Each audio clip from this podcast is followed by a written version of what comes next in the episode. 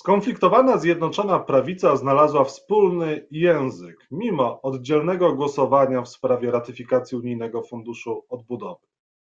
Czy w związku z tym konflikt w Zjednoczonej Prawicy jest już zażegnany? O tym porozmawiamy za chwilkę w programie Rzecz o Polityce. Jacek Nizinkiewicz, zapraszam. A Państwa moim gościem jest pan poseł Janusz Kowalski, Solidarna Polska, poseł Prawa i Sprawiedliwości. Dzień dobry, panie pośle. Dzień dobry panie redaktorze, dzień dobry państwu. Zaszczepiony jedną dawką czy już dwoma dawkami? 15 czerwca jest druga dawka, więc mam nadzieję, że już wtedy będę całkowicie bezpieczny. W połowie grudnia pan mówił, że pan się nie chce zaszczepić. Co się stało, że pan zmienił zdanie i jednak się zaszczepił? No mówiłem dlatego, że byłem, miałem przeciwciała i e, inni powinni się szczepić z grup ryzyka, ale powiedziałem, że nie wykluczam tego. E, I uważam, że jest to jakby kwestia wolności każdego z nas. Ja wszystkich zachęcam oczywiście do szczepienia. Natomiast absolutnie jestem przeciwnikiem segregacji sanitarnej i paszportów covidowych, bo to jest złe rozwiązanie. E, natomiast jeżeli nie ma żadnych przeciwwskazań medycznych, naprawdę warto się zaszczepić po to, żebyśmy wrócili do normalności. Czyli Janusz Kowalski, poseł Solidarnej Polski, który wcześniej sceptycznie wyrażał się o szczepionkach, dzisiaj apeluje do Polaków: idźcie, zaszczepcie się, warto. Znaczy wyrażałem się w sposób odpowiedzialny. Jeżeli ktoś ma przeciwciała, to nie myśli o szczepieniu, tylko e, odkłada tę decyzję na później i odłoży ją decyzję na za kilka miesięcy. I to oczywiście uczyniłem, bo ja nigdy nie powiedziałem, że jestem antyszczepionkowcem, ponieważ zawsze całe życie się e, szczepiłem. Tutaj warto być jednak precyzyjnym w stosunku do słów, które wypowiedziałem. Ale dzisiaj najważniejszą kwestią jest to, że rzeczywiście promujmy szczepienia. Szczepionki są bezpieczne i warto naprawdę wrócić do normalnego życia, szczególnie pomagać seniorom. Kto odpowiada za organizację wyborów kopertowych? No, jeżeli chodzi o wybory e, kopertowe, to oczywiście to jest e, e, Państwowa Komisja Wyborcza i Krajowe Biuro Wyborcze, bo taka jest taka jest ustawa. Natomiast od strony techniczno-organizacyjnej, wtedy kiedy miał być dochowany termin konstytucyjny majowy, który blokowała ta antypaństwowa i taka rozbijacka Platforma Obywatelska, to, to oczywiście rząd robił wszystko, aby e, konstytucja została przestrzegana i aby nie było wielkiego kryzysu konstytucyjnego. No to jest wielki, wielki akt oskarżenia wobec Platformy Obywatelskiej, wobec jej postawy wobec Rzeczpospolitej. Chcieli zablokować wybory, chcieli, żeby Polska nie miała prezydenta, chcieli doprowadzić do wielkiego kryzysu międzynarodowego. No ale jaka jest podstawa prawna zlecenia druku kart wyborczych przez premiera Mateusza Morawieckiego? Zna pan tę podstawę prawną? Podstawa prawna, z tego co dobrze pamiętam, to jest artykuł 11 ustawy e, covidowej. Jest to e, czynność techniczno-organizacyjna, bo pamiętamy, że od 20 marca mamy do czynienia e, z stanem epidemii i w tym trybie, można powiedzieć, wyższych racji kiedy takie wybory mogłyby doprowadzić do tego, że większa część Polaków mogłaby się zakazić. Rząd działał w sposób odpowiedzialny i profesjonalny. Platforma Obywatelska blokowała to, bo chciała za wszelką cenę podmienić e, swojego kandydata i zresztą to im się e, udało, ale na szczęście Rafał Trzaskowski, na szczęście dla Polski, bo dzisiaj zajmuje się leżakowaniem, przegrał te wybory i, I tyle. No i to jest, tak jak myślę, historia, e, ten okres 2020 roku jednoznacznie moim zdaniem podsumuje i w podręczniach historii Platforma Obywatelska będzie przedstawiona jako właśnie antypaństwowa, antykonstytucyjna formacja, która w dobie pandemii blokowała konstytucyjne rozwiązania, konstytucyjne wybory. Nie wydaje mi się, żeby artykuł 11 akurat zezwalał na to, żeby można było te wybory zorganizować, ale pan uważa, że to jednak historia oceni dobrze premiera Mateusza Morawieckiego, a nie Trybunał Stanu, bo według raportu NIK e, te wybory no, nie, nie było podstawy prawnej. No i tutaj mogą e, zostać wyciągnięte konsekwencje prawne wobec między innymi premiera Mateusza Morawieckiego. Zamknijmy tę kwestię w taki sposób, że jestem przekonany, że profesjonalna odpowiedź ze strony Kancelarii Prezesa Rady Ministrów zostanie przesłana do Najwyższej Izby Kontroli. Jestem przekonany, że w tej sprawie będzie wspólne stanowisko i Najwyższej Izby Kontroli i Kancelarii Prezesa Rady Ministrów. Poczekajmy na ostateczne zakończenie tego całego procesu badania. Ja mam duży szacunek zawsze do Najwyższej Izby Kontroli, do urzędników, natomiast jest kwestia czasami interpretacji, która, która różni urzędników z, na przykład z politykami. Na spokojnie poczekajmy na zakończenie procedury.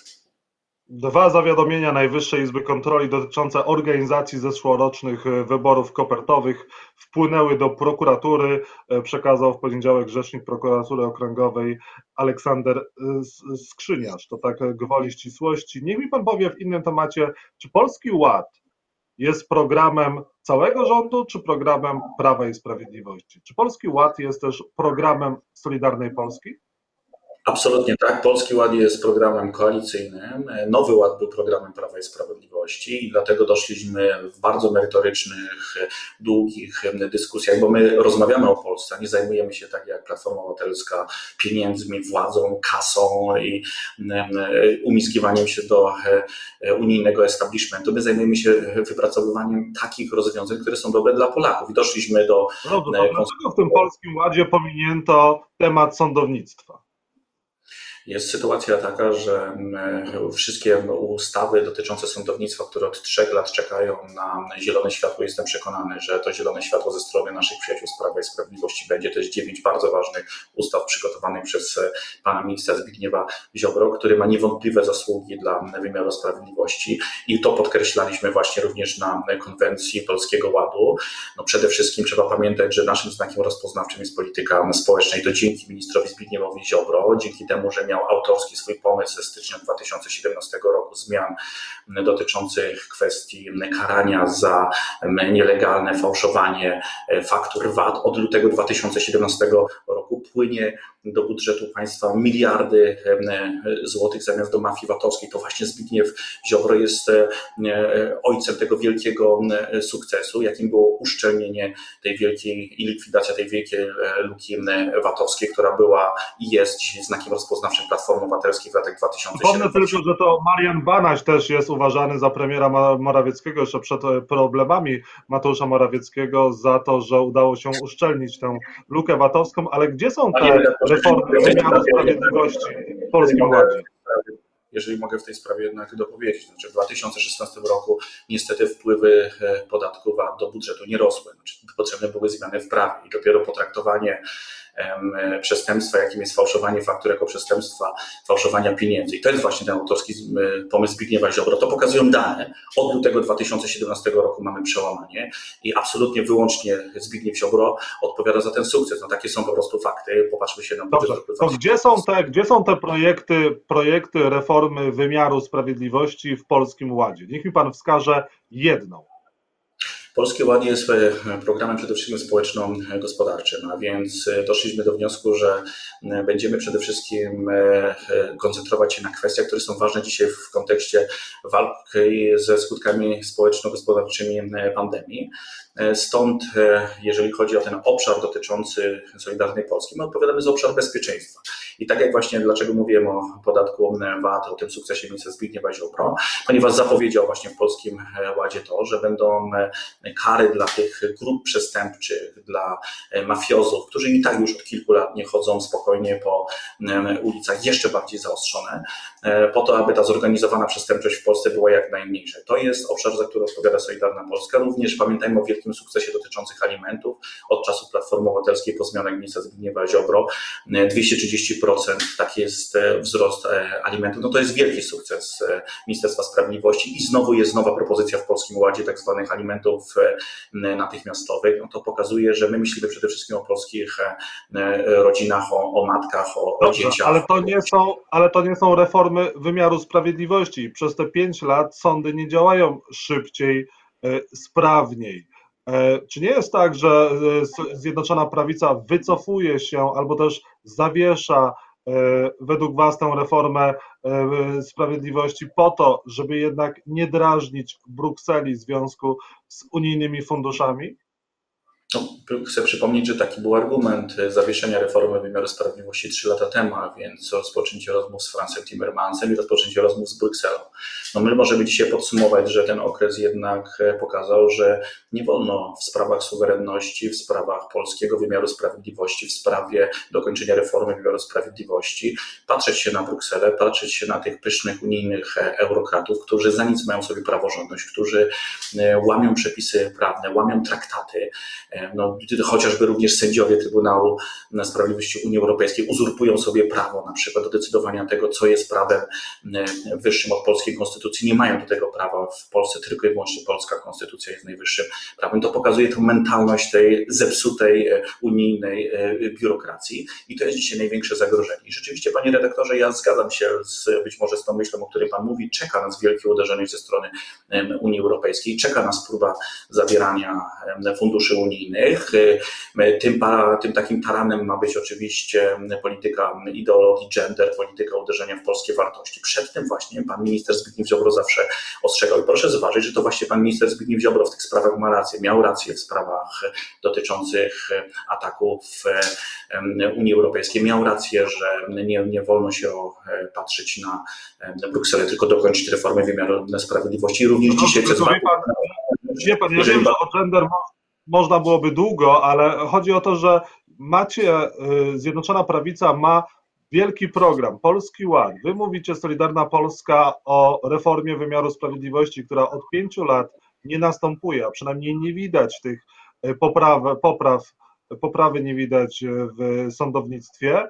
I w tym programie Polski Ład nie ma nic na temat wymiaru sprawiedliwości. Pytanie, czy wy nie wywiesiliście białej flagi? Czy Solidarna Polska nie wywiesiła białej flagi? Bo sam Zbigniew Ziobro no, na tej prezentacji Nowego Polskiego Ładu wypadł dosyć słabo. No, mówiąc kolokwialnie, cienkim głosem śpiewał i te wasze y, postulaty zostały gdzieś schowane.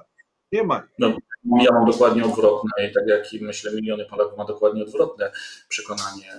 Wystąpienie pana ministra Zbigniewa Ziobro jako męża stanu, który bardzo jasno e, pokazał e, sukcesy właśnie Solidarnej Polski, sukcesy Ministerstwa Sprawiedliwości właśnie w zwalczaniu mafii VAT-owskiej, właśnie w naprawie wymiaru e, sprawiedliwości. Nie zgadzam się z panem, że w wielu obszarach wymiar sprawiedliwości działa po prostu lepiej, chociażby w postępowaniach karnych kwestia dotycząca komorników, kwestia dotycząca alimentów. Znaczy to myślę, że Pan jednak używa pewnych e, takich kalek Platformy Obywatelskiej i PSL nieuprawnionych. Natomiast jest rzeczywiście... Ja Panu podam przykład. Przykład tego, że na przykład zatrzymanie Wojciecha Kwaśniaka, byłego wiceszefa Komisji Nadzoru Finansowego zarządów Platformy PSL, który był mocno krytykowany przez Zbigniewa Ziobro, zatrzymanie jego było niesłuszne, orzekł w środę warszawski sąd okręgowy i za szkody wyrządzonej, wyrządzone akcją prokuratury Zbigniewa Ziobry, był urzędnik ma dostać teraz 15 tysięcy złotych zadośćuczynienia. Czy Zbigniew Ziobro przeprosi pana Kwaśniaka? Panie redaktorze, ja nie znam takiego konkretnego przypadku, natomiast jest rzeczą, co, do, co, co nie, nie, jest oczywistą rzeczą, że dzisiaj największym problemem są rozpolitykowani sędziowie. Są sędziowie, którzy mm, widzą e, swój punkt odniesienia w Brukseli, a nie w Warszawie, którzy zapomnieli, że przysięgali na wierność Rzeczpospolitej i że reprezentują Rzeczpospolitą, kiedy wydają wyroki e, sądu, mm, skarżą do Brukseli, podważają polską konstytucję. To jest istota e, problemu. I w tej sprawie, z Prawem i Sprawiedliwością również mamy to samo zdanie. Tylko jest kwestia tego, żeby dać zielone światło, żebyśmy te reformy dokończyli, ponieważ Polacy rzeczywiście już mają mają dość tej kasty trzeciej RP, rozpolitykowanych sędziów, którzy są jakby wykluczeni spoza wielu obszarów odpowiedzialności e, prawnej. I na to po prostu nie ma zgody. My w tej sprawie nie zmieniliśmy zdania, jesteśmy zdeterminowani, tak samo jak mieliśmy rację w sprawie europejskiego systemu handlu emisjami. Proszę zważyć, dzisiaj największym problemem gospodarczym dla Polski jest to, że tracimy miliardy złotych na parapodatku unijnym, który uderza w e, polskie rodziny. Ceny energii, ceny ciepła rosną i w tej sprawie Solidarna Polska, w tej sprawie minister Zbigniew Ziobro również miał e, rację. I w tej sprawie roz, rozmawiamy z Prawem i Sprawiedliwością, jak dzisiaj spowodować, aby ograniczyć władzę Brukseli w Polsce, która narusza polską e, suwerenność. Czy Ministerstwo Sprawiedliwości może zastąpić e, Urząd Rzecznika Praw Obywatelskich, jak powiedział wiceminister Waldemar Buda? Panie redaktorze, ja nie jestem tutaj specjalistą, to powinni w takich sprawach powinni wypowiadać się konstytucjonaliści. Ja jestem zwolennikiem tego, żeby Rzecznik Praw Obywatelskich został wybrany w konstytucyjnej formule i tutaj znowu jest ta nieodpowiedzialna, infantylna i antypaństwowa Platforma Obywatelska, która świetnego kandydata Bartłomieja Wróblewskiego tylko i wyłącznie po to, żeby e, e, chronić pana Adama Bodnara, który absolutnie, i tutaj mam jednoznaczne zdanie, który by w sposób absolutnie e, ideologiczny traktował swój urząd, chroniąc i angażując się nie w ochronę praw obywatelskich, ale w ochronę mniejszości ideologii gender, no to pokazuje, że Polsce potrzebny jest rzecznik praw obywatelskich z prawdziwego zdarzenia. No chciałbym, żeby w końcu... Kto mógłby być tym rzecznikiem? Kto mógłby być tym kandydatem według Solidarnej Polski? Ja, ja uważam, że powinien być Bartłomiej Wróblewski. Być może da się go jeszcze raz zgłosić. Jestem przekonany, że w Senacie w końcu jako takiej izbie zadumy, no, dojdzie do takiego konsensusu, który wskazuje, że w końcu powinniśmy mieć Rzecznika Praw Obywatelskich, bo sytuacja ta nas kompromituje na e, arenie międzynarodowej, że Senat Platformy Obywatelskiej, PSL-u i Lewicy blokuje wybór e, konstytucyjnego organu Rzecznika Praw Obywatelskich. No to jest. Senat Senat zgłosił preambułę do ustawy ratyfikującej Fundusz Odbudowy. Czy posłowie Solidarnej Polski e, poprą tę preambułę? Solidarna Polska jest jedyną partią w polskim Sejmie, która od A do Z, od pierwszego do ostatniego głosowania głosowała zgodnie z naszymi poglądami, chroniliśmy polską suwerenność, głosowaliśmy przeciwko i tym zasobom własnym, a więc oddaniu polskiej suwerenności e, Brukseli. Nie popieraliśmy żadnych poprawek, chcę tu na przykład przypomnieć jednak, co było dla mnie wielkim zaskoczeniem, że tutaj Konfederacja, która myślałem, że ma bardzo podobne poglądy e, do nas, dogłosowała z Platformą Obywatelską na temat wielu poprawek. I to jest e, rzeczywiście smutne, mam nadzieję, że tam będzie jednak pewna refleksja. W tej sprawie oczywiście również konsekwentnie zagłosujemy przeciw. My jesteśmy partią, która chroni polską suwerenność, mówimy o wartościach, mówimy o polskim DNA, natomiast Platforma Obywatelska, PSL, która zgłasza te te poprawki. No zachowuje się, no to jest moja ocena, zachowuje się niejako filia niemieckiej CDU. Ich sposób myślenia jest całkowicie dla mnie obcy. Kiedy słyszę w ustach polityków Platformy Obywatelskiej słowo honor, mam takie wrażenie, że pomylili to słowo ze słowem honorarium. No to jest po prostu coś niesłychanego, co dzisiaj Platforma Obywatelska robi. Oni tylko i wyłącznie rozmawiają o władzy, o kasie, rozmawiają o tym, jak zaszkodzić Polsce, skarżą do Brukseli, a Rafał Trzaskowski, który jest myślę najlepszym takim symbolem Platformy Obywatelskiej, jeździ po całej Polsce, leżakuje, organizuje konferencje i zachęca do udziału e, w jakimś evencie dla młodych ludzi, e, między innymi sponsorowanych przez niemiecką fundację Konrad Adenauer Stiftung. No to pokazuje tą mentalność Platformy Obywatelskiej. Jestem przekonany i mam nadzieję, że ten Borys Budka, e, przewodniczący, zostanie jak najdłużej po to, żeby w 2023 roku Zjednoczona Prawica wygrała znowu wybory. Panie pośle, ja panu nie będę wypominał przeszłości, zapytam o przyszłość. Czy Solidarna Polska jest otwarta na nowego koalicjanta, partię republikańską e, Adama Bielana i czy w związku z tym, jeżeli Adam Bielan z nowym ugrupowaniem przystąpi do Zjednoczonej Prawicy, czy Bielan powinien zostać wicepremierem? Wszystkie kwestie dotyczące im e, funkcji w rządzie oraz składu koalicji podejmują liderzy formacji, więc przede wszystkim twórca Zjednoczonej Prawicy i lider pan prezes Jarosław Kaczyński, pan minister Zbigniew Ziobro i pan wicepremier Jarosław Gowin. Nie jestem uprawniony, żeby w tej sprawie się wypowiadać. Najważniejsza jest kwestia taka, że mamy większość, że chcemy reformować Polskę, że mówimy i pokazujemy konkretny program Platforma Obywatelska. I że wizja, i że wizja z e, wcześniejszych wyborów jest oddalona, jest zgoda w Zjednoczonej Prawicy i tych wcześniejszych wyborów raczej nie będzie i będą w, w terminowym, w, w kalendarzowym e, terminie? No, Polski Ład jest najlepszą odpowiedzią na potrzeby Polaków. Polacy nie chcą e, wyborów, Polacy chcą nowego e, programu, chcą kilkanaście milionów e, Polaków chce poczuć pozytywne rządy Zjednoczonej Prawicy w swoich kieszeniach. To, co nas dzisiaj rzeczywiście martwi, to przede wszystkim ten parapodatek unijny, bo chcę powiedzieć jasno, że rocznie niestety 10 miliardów złotych, to jest bardzo ważna informacja, bo tego nikt do tej pory nie powiedział, 10 miliardów złotych rocznie jest wysysanych z Polski do różnych dziwnych instytucji, ponieważ e, polska gospodarka potrzebuje 200 milionów ton uprawnień, mamy tylko 150 milionów. Wystarczy sobie te 54 euro za emisję tony e, CO2 pomnożyć je przez 40-50 milionów i widzimy, że to jest 10 miliardów złotych czyli w ciągu najbliższych 10 lat polska gospodarka straci co najmniej 100 miliardów złotych. I to jest zasadniczy problem. Reforma EU ETS, o której mówi Solidarna Polska jako jedyna partia, jest dzisiaj najważniejszym wyzwaniem gospodarczym. Dlaczego, panie redaktorze?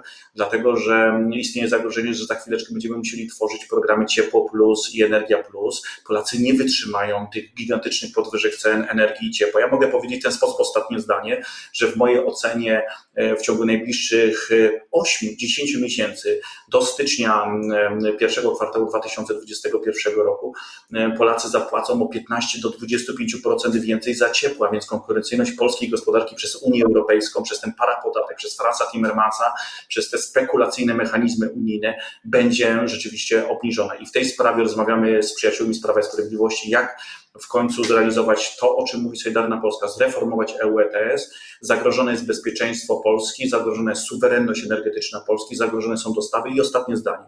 Awaria w Bełchatowie pokazała, że te wszystkie mrzonki o OZE, że uzależnienie od niemieckiego importu no jest największym e, zagrożeniem dla Polski nam są potrzebne stabilne źródła wytwarzania energii. OZE nie są stabilnymi źródłami, nigdy nie zastąpią elektrowni węglowych.